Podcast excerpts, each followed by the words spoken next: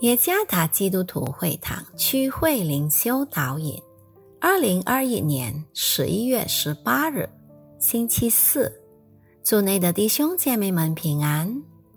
今天的灵修导引，我们将会借着圣经马可福音十二章四十一节来思想今天的主题：上帝确实看见。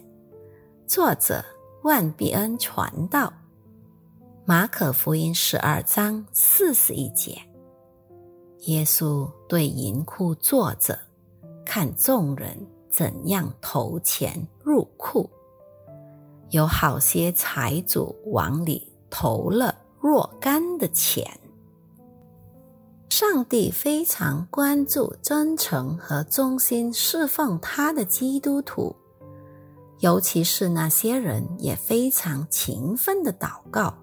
阅读和默想圣经，这是一个明确无误的表达。然而，有多少基督徒忘却了上帝也关注我们内心的态度和我们向他献祭的方式？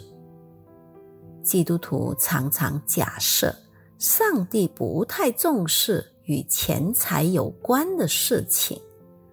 然后我们得出结论：我们的态度和我们向他奉献的方式，只不过是鸡毛蒜皮的事，所以没必要太在意。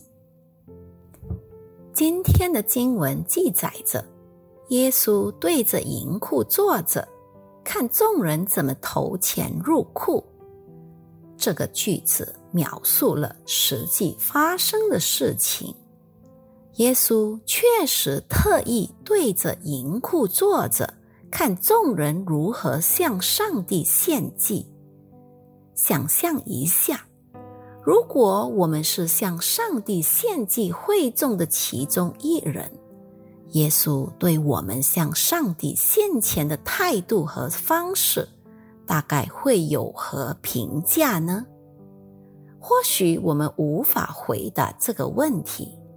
因为我们从来没想到，上帝非常重视我们内心的态度和我们向他献祭的方式。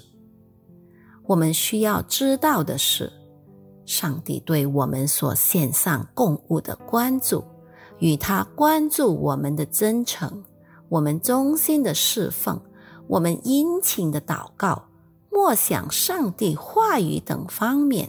是没有区分的。我们的心态和敬拜上帝的方式是如何的呢？我们侍奉的态度和方式又是如何的呢？